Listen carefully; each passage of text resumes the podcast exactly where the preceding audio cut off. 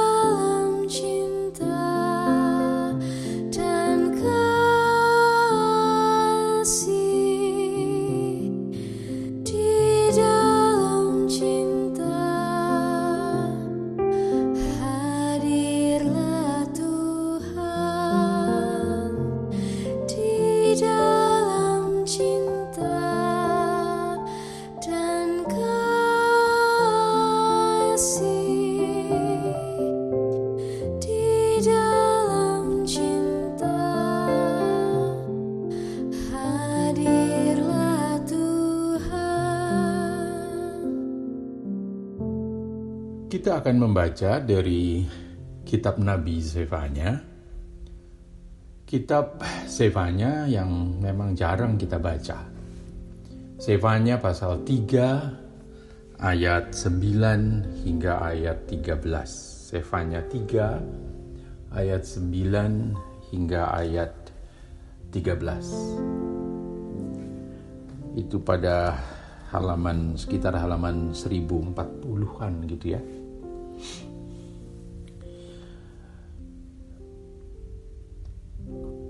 Sabda Tuhan melalui Nabi Zefanya demikian.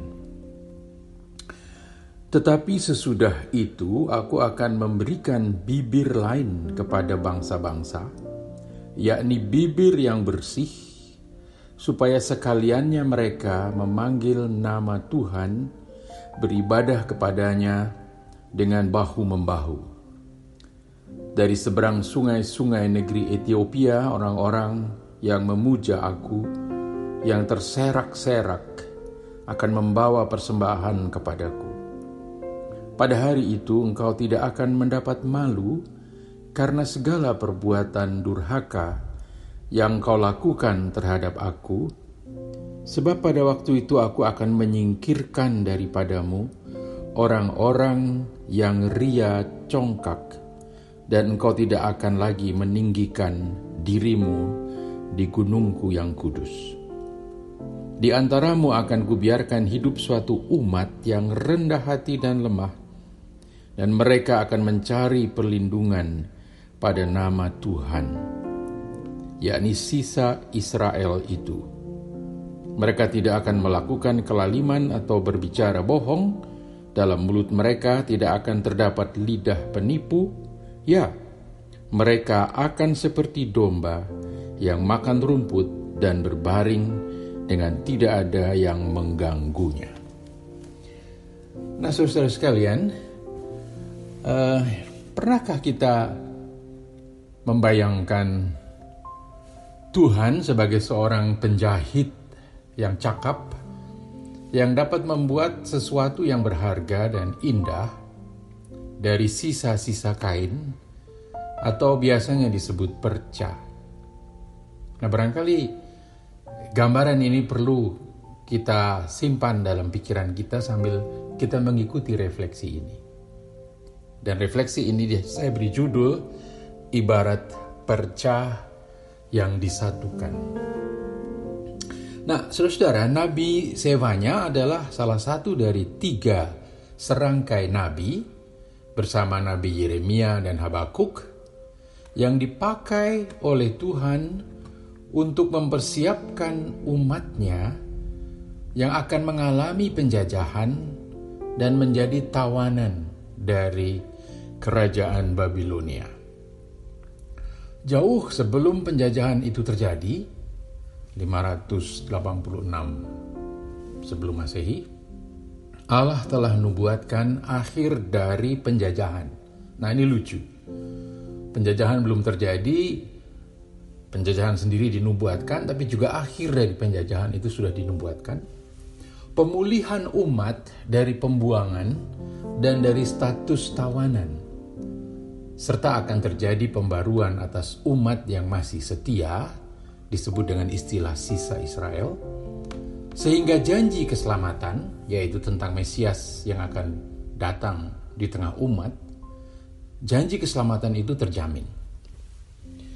Dalam kitab Sevanya dinubuatkan hukum Tuhan kepada bangsa-bangsa dan kepada umat Tuhan.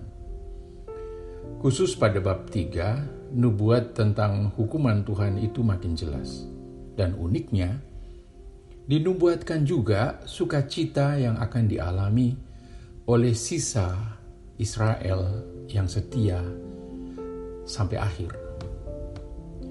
Mula-mula dinubuatkan tentang penghakiman secara menyeluruh, serta keruntuhan bukit-bukit, hari kemusnahan, serta pemusnahan itu pada pasal 1 ayat 15. Tapi pada ayat-ayat terakhir dari kitab ini dijanjikan atau dinubuatkan langit baru serta bumi baru sebagai tempat tinggal bagi sisa yang setia itu. Sebelum Tuhan menggunakan umat yang tersisa itu, Tuhan memurnikan atau dalam bahasa lain bisa kita terjemahkan untuk membalikkan orientasi mereka kepada Tuhan. Dari orientasi yang jauh kepada itu, tidak kepada Tuhan, sekarang menjadi berorientasi kepada Tuhan. Kalau kita perhatikan kitab Zevanya dengan cermat, yang disebut sebagai sisra Israel itu pada akhirnya melibatkan semua orang yang berasal dari berbagai bangsa. Di situ Zevanya membayangkan atau lebih lebih tepat menubuatkan akan adanya umat Tuhan yang berasal dari bangsa-bangsa yang akan bekerja dengan bahu membahu. Barangkali, barangkali ini menjadi kritis ketika kita pada bulan ini merayakan bulan kebangsaan. Nubuat Nabi Zevanya yang tidak lazim bagi zamannya, yaitu bahwa mereka yang setia itu akan berasal dari berbagai bangsa. Artinya, keistimewaan etnis atau ras Israel yang selama itu dipahami sebagai yang diistimewakan, sepertinya akan berakhir. Tembok eks eksklusivisme yang membatasi sebutan umat Tuhan hanya untuk kelompok tertentu akan ditiadakan, akan dirobohkan akan ada Israel yang baru yang berasal dari berbagai bangsa dan bukan khusus orang Ibrani lagi. Dengan perkataan lain, Israel yang baru ialah setiap orang yang setia dan taat kepada Allah dan kehendaknya yang berasal dari berbagai bangsa dan yang akan bekerja bahu-membahu demi kemuliaan Tuhan Nah, untuk memurnikan yang disebut sebagai sisa umat atau sisa Israel itu, Tuhan akan menyingkirkan orang-orangmu yang ria congkak dari Yerusalem. Demikian tulis uh, Nabi Zevanya. Mereka membuat malu di bait Allah, disebut di situ gunung Tuhan karena letak bait Allah yang ada di atas bukit pada ayat 11. Dan sebagai gantinya akan ditempatkan mereka yang rendah hati, dan yang lemah lembut yang biasanya tersingkirkan. Mereka yang lemah agaknya memang disambut oleh Tuhan. Kita ingat juga dalam perjanjian baru di khotbah Yesus di bukit Matius pasal 5. Sisa Israel atau Israel yang baru itu percaya kepada Tuhan dan Tuhan akan menolong mereka untuk melakukan yang benar dan berbicara tentang kebenaran. Dikatakan di situ pada ayat 13, dalam mulut mereka tidak akan terdapat lidah penipu. Tuhan juga akan memberi rasa aman kepada mereka mereka akan dapat berbaring dengan tidak ada yang mengganggu. Masih pada ayat 13. Tuhan tidak menggunakan sisa Israel itu untuk membawa Mesias guna menyelamatkan dunia. Dan Tuhan memulai dengan memurnikan yang tersisa itu. Penyebab kesusahan pada saatnya akan dikalahkan dan Tuhan hadir di tengah sukacita bersama umat yang tersisa itu. Malapetaka telah diangkat dari mereka. Tuhan menindak penyebab malapetaka itu dan ini yang penting, Tuhan akan mengumpulkan kembali mereka yang telah terpencar dan membawa mereka pulang dengan selamat. Kehormatan serta pujian akan kembali mereka dapatkan dari antara segala bangsa. Kita mendapat gambaran yang jelas bahwa Allah adalah Allah yang merestorasi. Allah adalah Allah yang memulihkan. Allah yang membangun kembali umatnya dari sisa yang masih setia dan masih percaya. Ibarat perca atau pecahan-pecahan yang sudah terserak ke mana-mana, dipersatukan dan dijahit kembali menjadi suatu karya yang indah dan berharga. Merestorasi atau memulihkan dalam bahasa Ibrani disebut shub, S H U W B. Artinya kembali atau berbalik. Sebuah kata yang lebih dari seribu kali dipergunakan dalam perjanjian lama Bahkan Tuhan tidak lagi eksklusif dengan Israel sebagai bangsa, karena Tuhan telah melibatkan bangsa-bangsa sebagai sisa umat yang kembali. Seperti penjahit yang cakap, yang dapat menyusun dan menjahit potongan-potongan perca yang berasal dari berbagai sumber menjadi sesuatu karya yang berharga dan indah dan bermanfaat. Nah, sebagai kesimpulan, kita belajar tentang dua hal dari Zebanya ini mengenai citra Allah. Yang pertama, Allah adalah pemulih yang agung, yang memulihkan. Dia dapat marah dan menghukum, tetapi juga Allah yang selalu bersedia menerima kembali mereka yang sungguh-sungguh bertobat menyesali dosa-dosanya, dan berbalik kepada Tuhan, meninggalkan kehidupannya yang lama yang penuh dengan kejahatan, durhaka, dan ketidakjujuran, serta perselingkuhan dengan ilah-ilah yang lain. Citra yang pertama itu yang kita baca dari sewanya. Citra yang kedua adalah citra tentang Allah yang mempersatukan mereka. Mereka yaitu orang-orang yang setia dan percaya yang berasal dari beragam latar belakang bangsa dan ras, dari keragaman dan kebinekaan menjadi umatnya yang baru, dalam teks disebut sebagai sisa Israel, yang akan bekerja sama bahu-membahu demi kebaikan semesta dan demi kemuliaan Allah Sang Pencipta. Kiranya refleksi ini mendorong kita untuk memikirkan kembali konsep kita tentang gereja dan tentang kebangsaan, mumpung kita berada dalam bulan kebangsaan. Mari kita berdoa, kita naikkan doa Bapa kami dalam nyanyian uh, bersama berikut ini.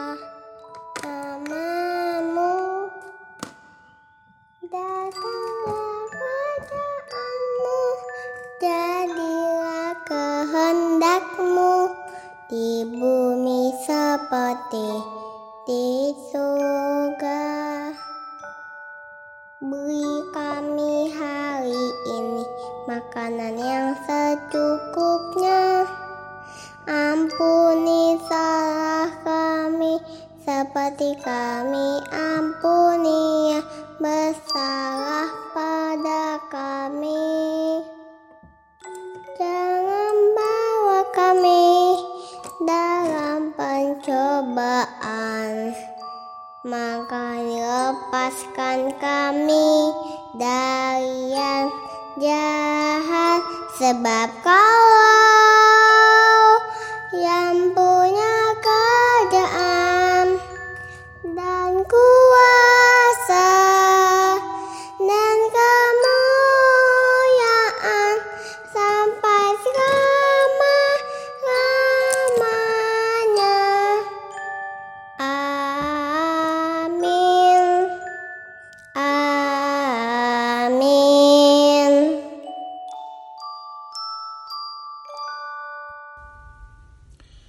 Ya Allah, yang kami kenal sebagai Bapa, Putra, dan Roh Kudus. Engkau sering digambarkan ibarat orang tua kami yang dapat marah dan menghukum kami manakala kami tidak setia kepadamu dan disibukkan dengan kesenangan diri melakukan kehendak kami sendiri yang tidak bersesuaian dengan kehendakmu. Namun engkau juga orang tua kami yang bersedia menerima kami kembali, manakala kami sungguh-sungguh menyesali dosa kami, serta berusaha dengan sungguh-sungguh berbalik kembali, berorientasi kembali kepada kehendakmu. Terimalah kami kembali di hadiratmu ya Tuhan, karena kami ingin memperbaiki hidup kami, dan kami ingin agar dapat Tuhan pakai sebagai kawan sekerjamu dalam membangun kehidupan keluarga, dalam membangun kehidupan bersama bergereja, dan dalam membangun kehidupan masyarakat kami. Dalam pengasihanmu kami mohon.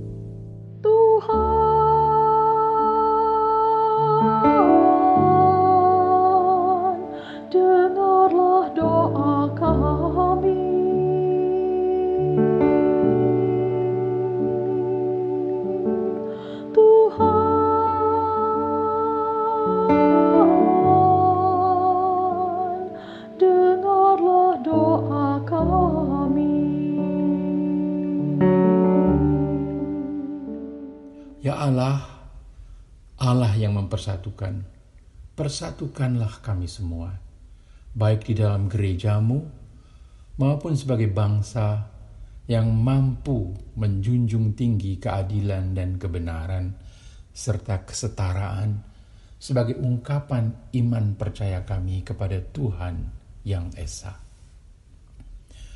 Di dalam kehidupan bersama bergereja, tolonglah kami untuk memberi ruang kepada keragaman warga gereja kami, sehingga setiap orang merasa sejahtera dan merasa diterima dalam kehidupan persekutuan gerejawi. Di dalam kehidupan bersama bermasyarakat, berbangsa, dan bernegara, persatukanlah kami oleh nilai-nilai keadilan, kebenaran, serta kesetaraan yang berakar pada iman percaya bangsa kami kepadamu, ya Allah yang Maha Esa. Agar dengan demikian kami bersama dimampukan untuk bekerja bergotong royong, untuk bahu-membahu membangun negeri kami demi kebahagiaan dan kesejahteraan warga negaranya, dan demi membangun sebuah dunia bersama yang lebih adil, yang lebih damai bagi setiap manusia. Manusia yang engkau kasihi, yang untuk mereka engkau telah rela mengorbankan putramu, agar setiap manusia mendapat kesempatan untuk diselamatkan. Dalam pengasihanmu,